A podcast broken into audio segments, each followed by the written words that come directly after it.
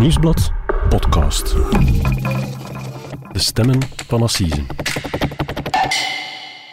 Op een zaterdagavond in juli 1993 fietst Walter langs het Albertkanaal in de Kempen naar zijn huis in Zandhoven.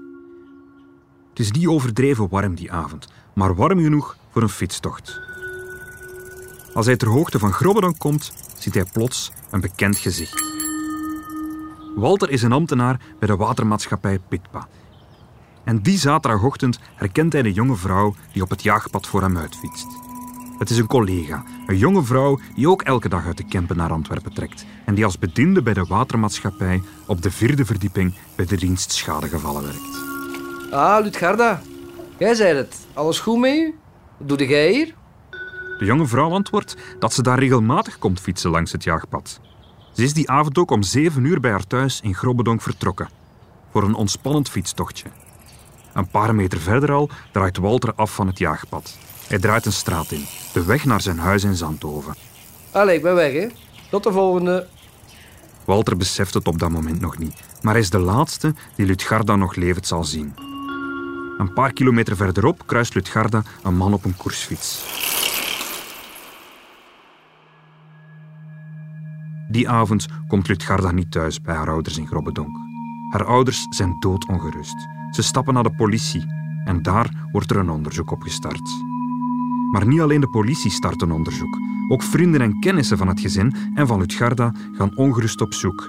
Ze weten dat Lutgarda die avond op haar fiets is vertrokken. Ze weten dat ze langs het jaagpad heeft gefietst. En op maandagochtend zoeken enkele vrienden van haar in de ber langs het kanaal naar sporen. Aan de keerkom van Oelegem zien enkele vrienden van haar plots een bruine damesfiets in de gracht liggen. Het is de fiets van Lutgarda. Verder durven ze niet gaan. Ze zijn bang voor wat ze gaan aantreffen. En ze bellen de politie. De rijkswacht van Vorselaar komt ter plekke en zij vinden het lichaam van Lutgarda Bogaerts. Haar handen zijn op haar rug vastgebonden. De vrouw is gewurgd met de snelbinders van haar fiets.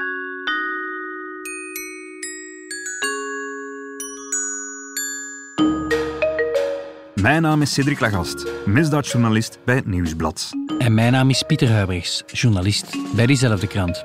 Dit is de derde aflevering van een special van onze podcast De Stemmen van Assise. Over een Vlaamse seriemoordenaar die bekende dat hij vier vrouwen om het leven bracht. De glazenwasser van Deurne.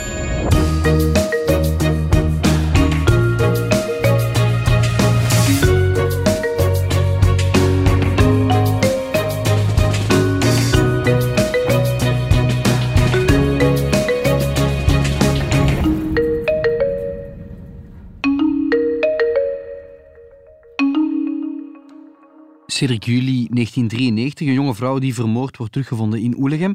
Dat is exact één jaar nadat Ariane Mazijn in haar studio in Antwerpen is gewurgd en vermoord. Zien die speurders ik meteen dat er een verband is tussen die twee vermoorde vrouwen? Nee, dat verband is, is toen niet gelegd. Uiteindelijk pas toen dat de zaak werd opgelost, dan wel. Maar op dat moment, in 1993, ja, toen zaten we met een heel ander politielandschap. Hè. De, de, de eengemaakte politie, daar was nog geen sprake van. En ook de Kempen en Antwerpen, dat waren twee verschillende plekken. Er was geen informatiedoorstroming Nee. tussen de verschillende zones. Voilà. Wie is die Lutgarda? Wel, ze heet Lutgarda Bogaerts, is op dat moment 28 jaar.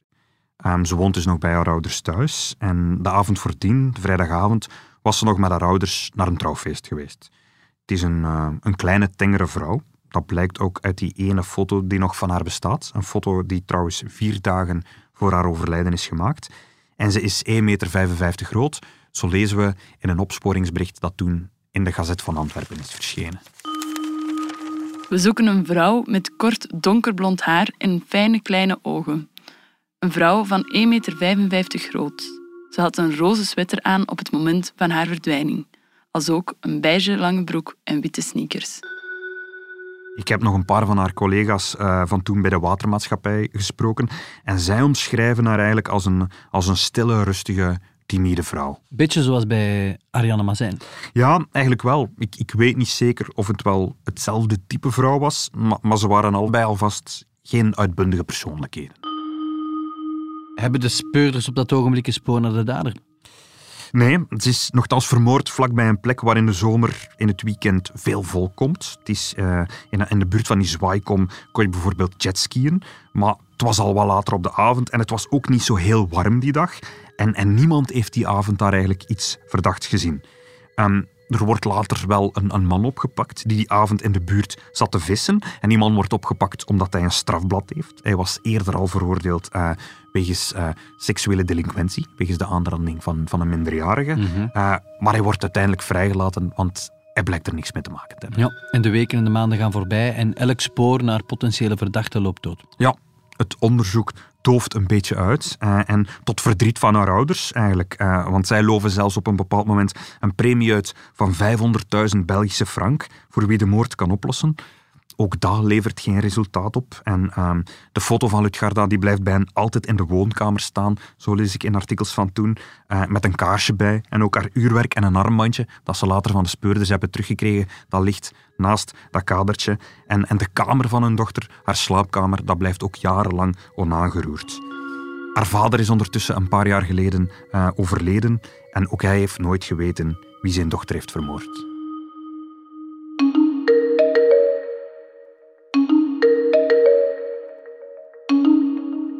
Cedric, zoals je net zegt, het onderzoek naar de moord op Lutgarda Bogaerts dooft uit. Maar dat is niet het einde van dit verhaal. Nee. 17 maanden na de dood van Lutgarda, dat is in december 1994, wandelt er ochtends een man binnen in een bakkerij in de Stenenbrug in Borgerhout. En die man heet Michel van der Reek en hij maakt zich zorgen over zijn dochter. Zijn dochter is spoorloos. Wel, spoorloos. Zijn dochter Maria die woonde twee huizen voorbij die bakker, maar ze deed haar deur niet open toen hij aanbelde uh, bij haar appartement. En hij was ongerust, ook al omdat ze bij hem op bezoek zou komen. Ze had gezegd dat ze bij hem zou komen eten. En, en, en ze was niet komen opdagen. En, en nu was, ze, was hij naar haar appartement gekomen en ze deed de deur ook niet open. En hij zag bovendien dat de post al een paar dagen in haar brievenbus was blijven liggen. En, en ja, hij maakte zich zorgen en nu wilde hij van die bakkersvrouw weten of dat zijn dochter daar nog langs was geweest om brood te kopen.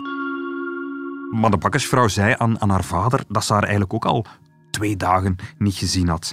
En, en de onderbuurvrouw in het, van het appartement van Maria, hetzelfde verhaal. Ze heeft, ze heeft Maria ook al een paar dagen niet gezien. En volgens haar was de vrouw zeker niet op reis vertrokken, want Maria die had een vogeltje. En als ze op reis ging, was het gebruikelijk dat ze dat vogeltje bij de buurvrouw achterliet. En omdat ze niet langs was geweest met haar vogeltje, wist ze zeker dat Maria uh, niet voor lange tijd het vertrokken was. Mm -hmm. En dus die vader, Michel van der Reek, ja, die gaat naar de politie, vermoed ik. Nee, de vader gaat uiteindelijk zelf het appartement van zijn dochter binnen. En, en daar doet hij een vreselijke ontdekking. Hè. Hij gaat naar de slaapkamer en hij vindt zijn dochter daar uh, dood terug. En ze is gewurgd met het snoer van een krultang. En de dode, vermoorde vrouw. Um, is er hier een spoor naar de dader? Nee, ook hier is er, is er eigenlijk geen duidelijkheid wat er hier gebeurd is. Mm -hmm. Misschien moeten we dan ja, eens even terugkeren en misschien moet je eens uitleggen, Cedric, ja, wie was die Maria van der Reek? Wel, haar vrienden noemden haar Mia. Ze was op dat moment 46 jaar. Ze was gescheiden en, en moeder van een volwassen zoon. En die volwassen zoon was dat op dat moment eigenlijk op reis in India. Hij kon ook niet onmiddellijk bereikt worden. Er waren toen nog geen gsm's. En het duurt een tijdje, het duurt zelfs een paar dagen uh, voordat, hij, voordat ze hem kunnen contacteren en dat hij verneemt dat zijn moeder overleden was. Ja, en zijn, uh, zijn moeder werkte in de horeca, zei je, s'nachts vooral. Ja, en de politie onderzoekt in eerste instantie of haar ex-man de moord niet heeft gepleegd. Dat is een, uh, een courante piste, denk ik, die onderzocht wordt. En hij is de eerste hoofdverdachte, maar ook hij wordt eigenlijk vrij snel vrijgepleit. En dan zoekt de politie de dader in het, in het uitgaansmilieu in Antwerpen, in het milieu waar ze werkt. En onder meer een ex-vriend wordt nog ondervraagd. Maar uiteindelijk, ja, ze ondervragen hem. Ook hij blijkt er niks mee te maken te hebben. En ook hier valt het de speurders op dat het appartementje er heel ordelijk bij ligt. De woning is niet doorzocht, het is opnieuw geen roofmoord. Mm -hmm. Dat maakt intussen drie dossiers, denk ik, in deze podcast, waar geen dader wordt gevonden. Drie jongere vrouwen, alle drie gewurgd. En er is nog geen enkele speurder in het Antwerpse die op een of andere manier een link kan leggen tussen die drie onopgeloste moordzaken. Nee, voor zover ik heb kunnen achterhalen, zijn die drie dossiers eigenlijk altijd apart behandeld. Nu zou er allicht veel sneller gezocht worden, of dat er een verband zou zijn, of dat er een gezamenlijke dader moest gezocht worden. Maar in 1994 zijn dit nog drie aparte mapjes in drie aparte kasten.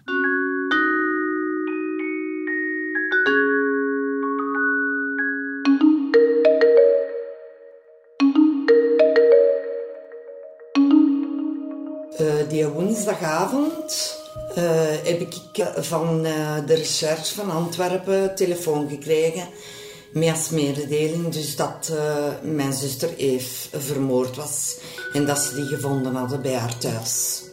Dat is ja een hamer dat je op je, op kop krijgt. Je zit met vragen, maar ja, die vragen worden niet beantwoord. Hè. Die zijn nooit beantwoord niet geweest, tot nu, 2019. De dame die we hier horen is uh, Pascal Poppen. Ze is de zus van Eve Poppen. En, uh, en net zoals de rest van de familie krijgt zij in september 1997 het nieuws dat hun zus overleden is. We maken een sprong van drie jaar dus, Pieter. Mhm. September 1997. Er wordt alarm geslagen in een appartementsgebouw in de wijk Luchtbal in Antwerpen. Het is een, uh, een vrouw, een buurvrouw, Claudine, die zich zorgen maakt omdat ze al een tijdje niks meer gehoord heeft van haar buurvrouw Eve. Klinkt een beetje als het verhaal van uh, Maria van der Reek. Ja, Claudine maakt zich zorgen omdat ze al drie dagen haar buurvrouw niet gehoord had. Dat was uitzonderlijk, want de vrouwen hadden twee contact. En nogthans brandde het lichter dagenlang. Het licht ging niet uit, de televisie bleef spelen en de kat van Eve die huilde en miauwde onbedaarlijk. En uiteindelijk belt ze de politie, um, want ze dacht dat haar buurvrouw een ongelukkig geval had gemaakt en dat ze daar lag dat ze, dat ze medische hulp nodig had. Zo. Agenten komen ter plaatse en zij doen een vondst. Zo'n zeer dramatische ontdekking. Hè. Eve Poppen, want zo heet ze dus voluit, lag dood op haar bed eh, in haar appartement op de tweede verdieping en ze was gewurgd met een koorts. En daarna was ze twaalf keer neergestoken met een scherp voorwerp. En de moordenaar had ook het hemd van haar lijf gerukt. En daarna had de moord haar lichaam bedekt met een sprei. Wij zijn dan, allee, uh, ik en dan nog een broer en dan nog twee zussen van mij die, en mijn papa zijn uh, twee keren ondervraagd geweest. En dat is het ook. Dan, dan plots niks niet meer? Niks meer. Ja, er komt niks van hun naast. Als er na zoveel jaren geen enkele weg dat je kunt bewandelen om af te tasten. Dus ja, na ja. 7, 8 jaar denkt wel van ja. De speurders zoeken, maar ook hier vinden ze geen dader. En in 2005, na 8 jaar, wordt het dossier afgesloten en ze hebben de moordenaar niet gevonden.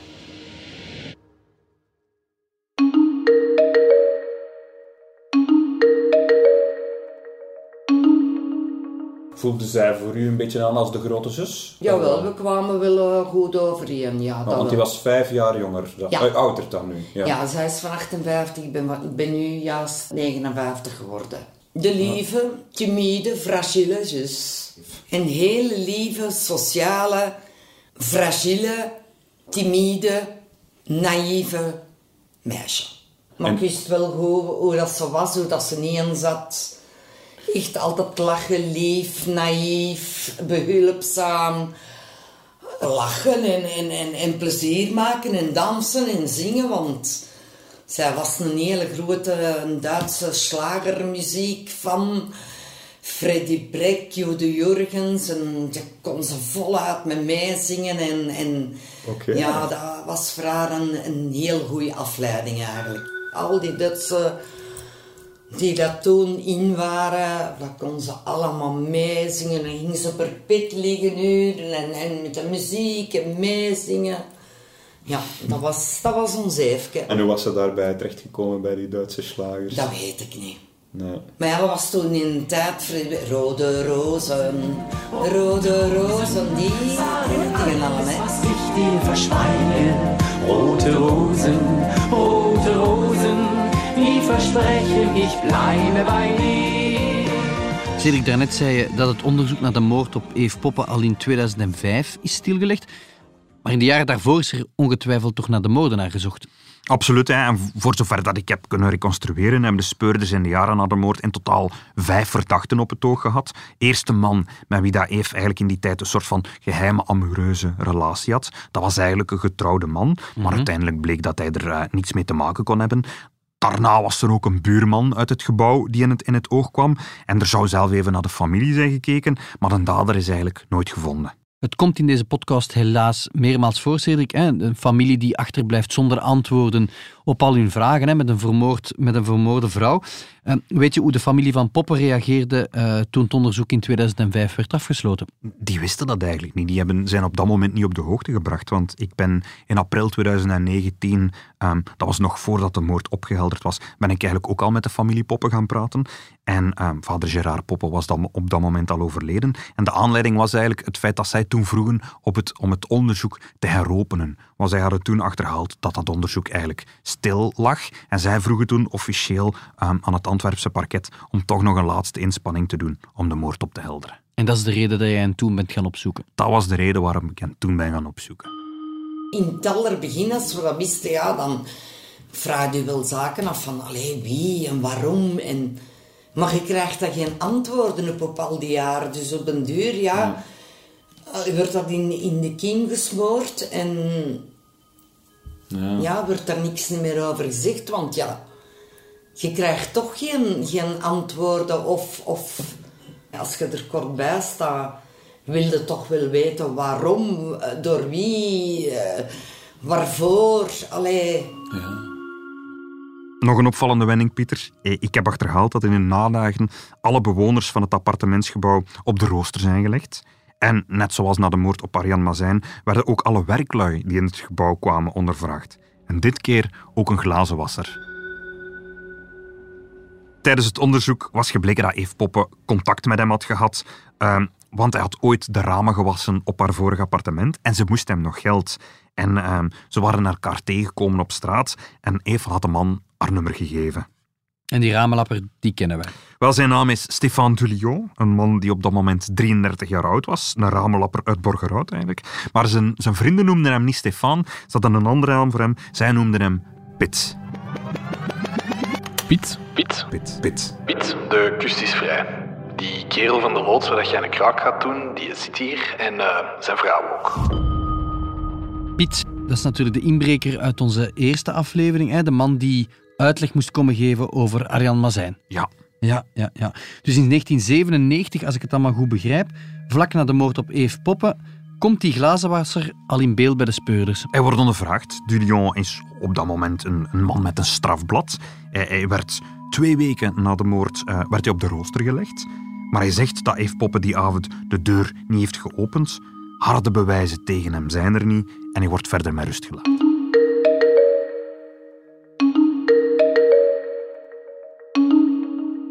Cedric, ik probeer het te begrijpen uh, wat je allemaal vertelt. En dat is eigenlijk wel heel straf, want Stéphane Dulion, die glazenwasser, die komt in 1997 al in beeld als uh, een van de mogelijke betrokkenen, als potentieel verdachte. Ja. Roept wel heel veel vragen op, toch?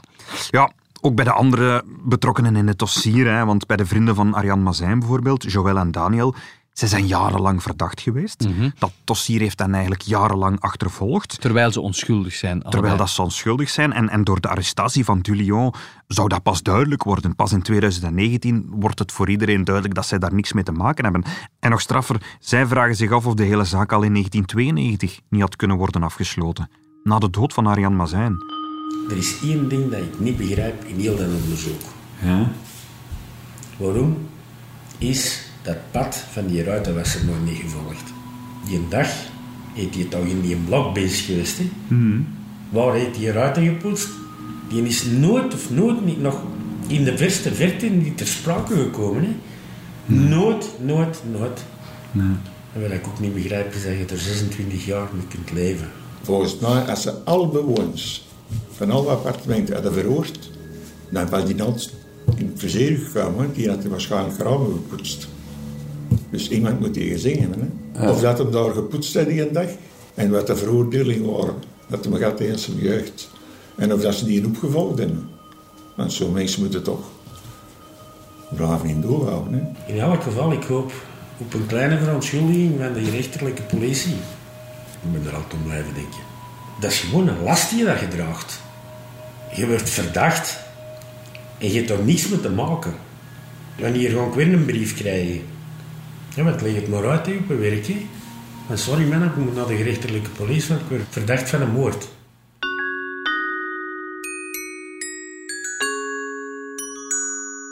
Waarom is Stéphane Dulion altijd buiten beeld gebleven? Wie is de glazenwasser van Deurne? Hoe is hij geworden wie hij is? En waarom is hij ondanks zijn uitgebreide strafblad niet opgevallen bij de speurders? Dat hoor je in de vierde aflevering van De Glazenwasser van Deurne.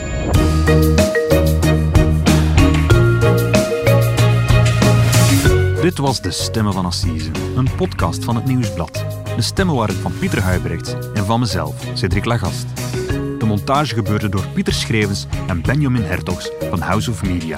En de productie was in goede handen bij Joni Keimolen en Bert Heijvaart.